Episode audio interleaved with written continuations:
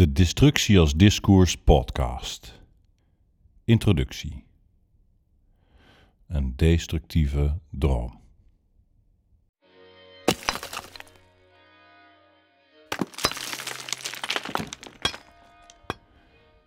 Ik heb een terugkerende destructieve droom.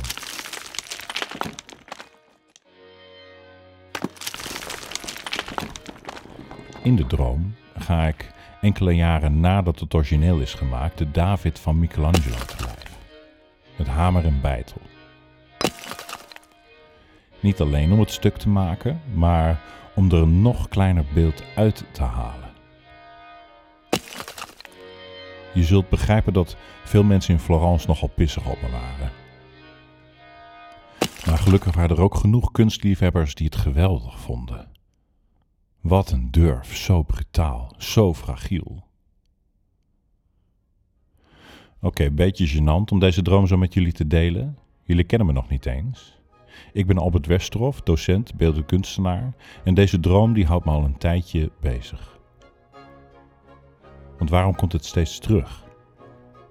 En waarom moet datgene wat ik zo mooi vind in mijn droom elke keer stuk?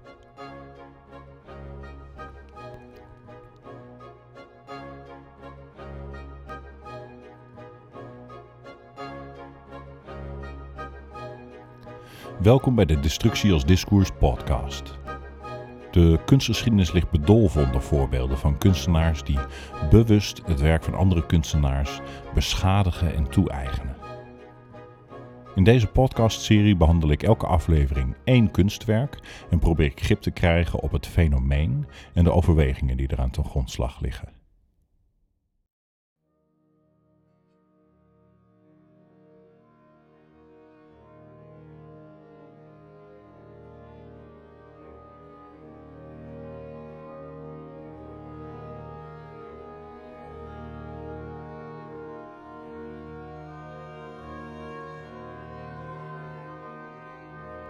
Eigenlijk ben ik nog een hele brave jongen. Want ik heb in mijn wakkere leven nooit bewust andermans kunstwerk kapot gemaakt. Inmiddels ben ik er wel achter dat ik niet de enige kunstenaar ben met een onbewust verlangen naar destructie. Veel kunstenaars voegen namelijk ook daadwerkelijk daad bij het woord. Denk bijvoorbeeld aan Robert Rausenberg, die een originele Willem de Koning uitgunt. Of Alexander Brenner, die met een spuitbus dollartekens schildert over werken van Kazimir Malevich en Piet Mondriaan. Of de Chapman Brothers, die in prachtige pastelkleuren regenboog hebben geschilderd over enkele originele schilderijen door Adolf Hitler.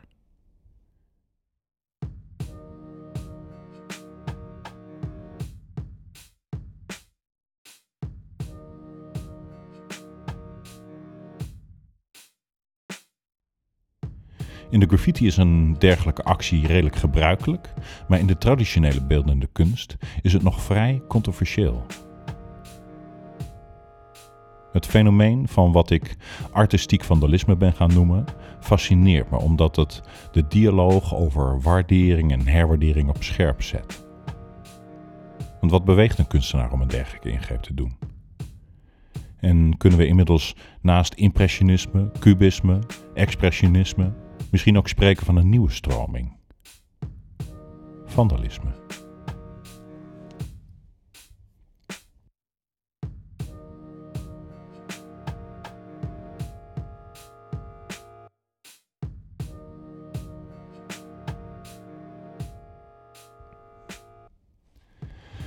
Eigenlijk is het ook niet zo gek. Creatie en destructie zijn niet altijd uitersten van elkaar, maar gaan vaak hand in hand. Een ei wordt gebroken, een plant wordt vermalen, je roert het pigment door een bindmiddel. En nog voordat er één penseelstreek is gezet, is het proces van destructie en creatie al begonnen. Dat schilderij dat bestaat omdat men bereid is het ene op te offeren ten behoeve van het andere. Destruction is also creation, stelde Marcel Duchamp. En wanneer ik op zoek ga naar de oorsprong van deze quote, kom ik vooral een variant van Picasso tegen. Every act of creation begins with an act of destruction. De meningen zijn verdeeld over wie de meest invloedrijke kunstenaar van de eeuw was. Wie het ook is, het gedachtegoed blijkt breed inzetbaar.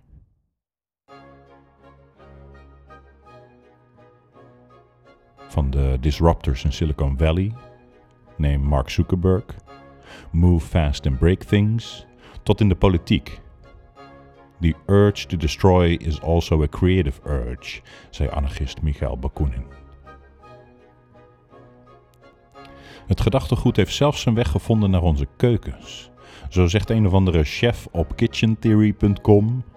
When a chef wants to present their guests with a delicious plate of food, they must first prepare the ingredients, and this process in some manner destroys the life and natural form of the ingredients used. Oftewel, je kunt geen omelet bakken zonder een eitje te breken. Terug naar de droom. Of nachtmerrie. Ik vermoed dat de droom een collage is van verschillende gedachten. Zo heb ik eens begrepen dat Donatello ooit aan hetzelfde stuk marmer is begonnen, maar de moed heeft opgegeven. Michelangelo heeft vervolgens zijn ontwerp gemaakt binnen het resterende silhouet.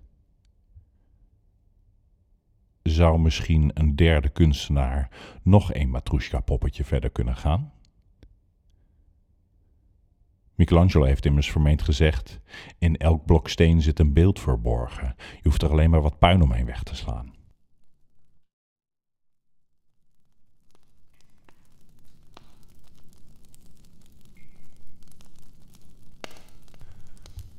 Oké, fuck it.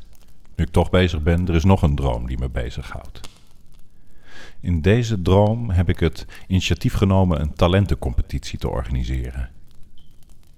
In het kiecherige programma gaan we op zoek naar de beste graffiti-schrijver van de eeuw. De winnaar krijgt een fascinerende taak als beloning. Hij mag met spuitbussen de grotten van Chauvet in en een enorme graffiti-piece achterlaten. Over de bestaande grotschilderingen. En daarna wordt er een grote steen voor de ingang geschoven en laten we het aan de toekomstige archeologen om het weer te herontdekken. Al licht minder destructief dan de meeste talentencompetities. Maar wederom vraag ik mezelf af: waar komt deze gedachte vandaan?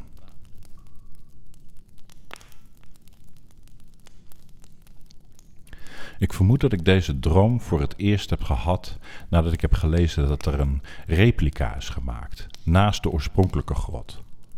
Om te kunnen voldoen aan de groeiende hoeveelheid toeristen. Toevallig genoeg is ook van de eerder genoemde David om dezelfde reden ook een bronzen replica geplaatst, op steenworp afstand van het origineel.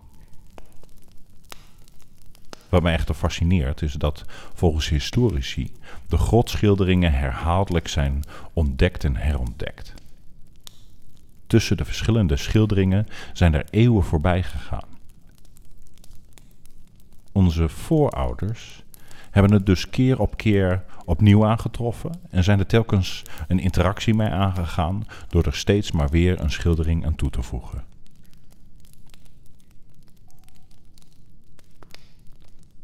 Moeten wij dat niet ook doen?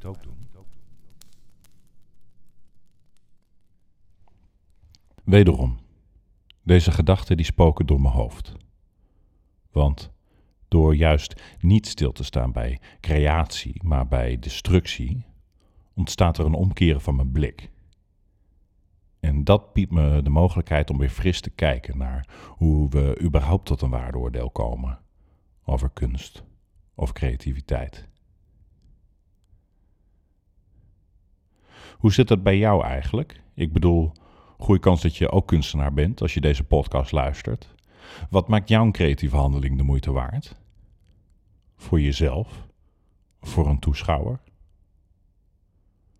Als docent en kunstenaar weet ik dat je bol soms kan aanvoelen als de binnenkant van een flipperkast, waarin een balletje heen en weer schiet. Tussen dit is fantastisch en dit is echt niks. Soms besluit je hetgene waar je mee bezig bent te vernielen. En soms is die laatste vernietigende actie precies datgene wat nodig was om het werk af te maken. Ik zie het als een proces van wikken en wegen, waar wij als kunstenaars telkens waardeoordelen maken.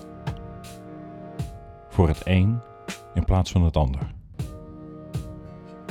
Wanneer we in het dagelijks leven zappen, scrollen, swipen of onze hoofd keren, zijn we bewust of onbewust ook bezig met waardebepalingen. Wat verdient mijn aandacht? En bij jou als kunstenaar komt er nog een afweging bij. Welke ervaring wil ik opwekken of deelbaar maken?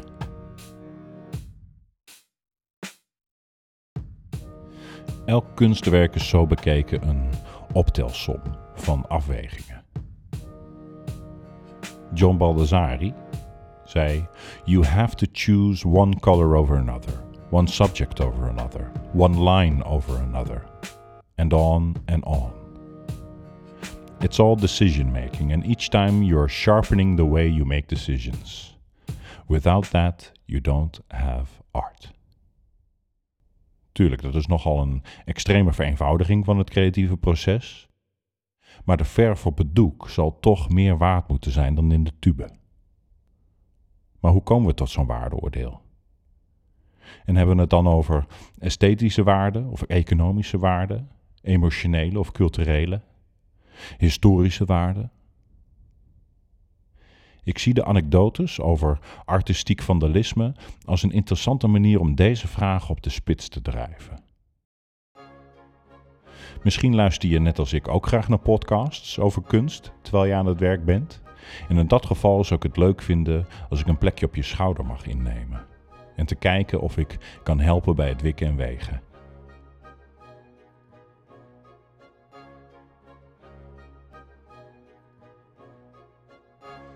Dit was een introductie van de Destructie als Discours podcast. Vanaf de volgende aflevering zal ik je niet meer opzadelen met mijn dromen, maar behandel ik telkens één artistiek beschadigd kunstwerk. De Destructie als Discours podcast is een initiatief van Albert Westerhof, maar had niet kunnen bestaan zonder de productionele hulp van Joost Rode en Erike Imthorn en redactionele feedback van onder andere Nathalie Beekman en Boukje Zijlstra. Ben je nieuwsgierig naar meer voorbeelden van artistiek vandalisme? Vergeet dan niet te abonneren. De Destructie als Discours podcast is gratis te beluisteren op zowel Spotify als Apple Podcast.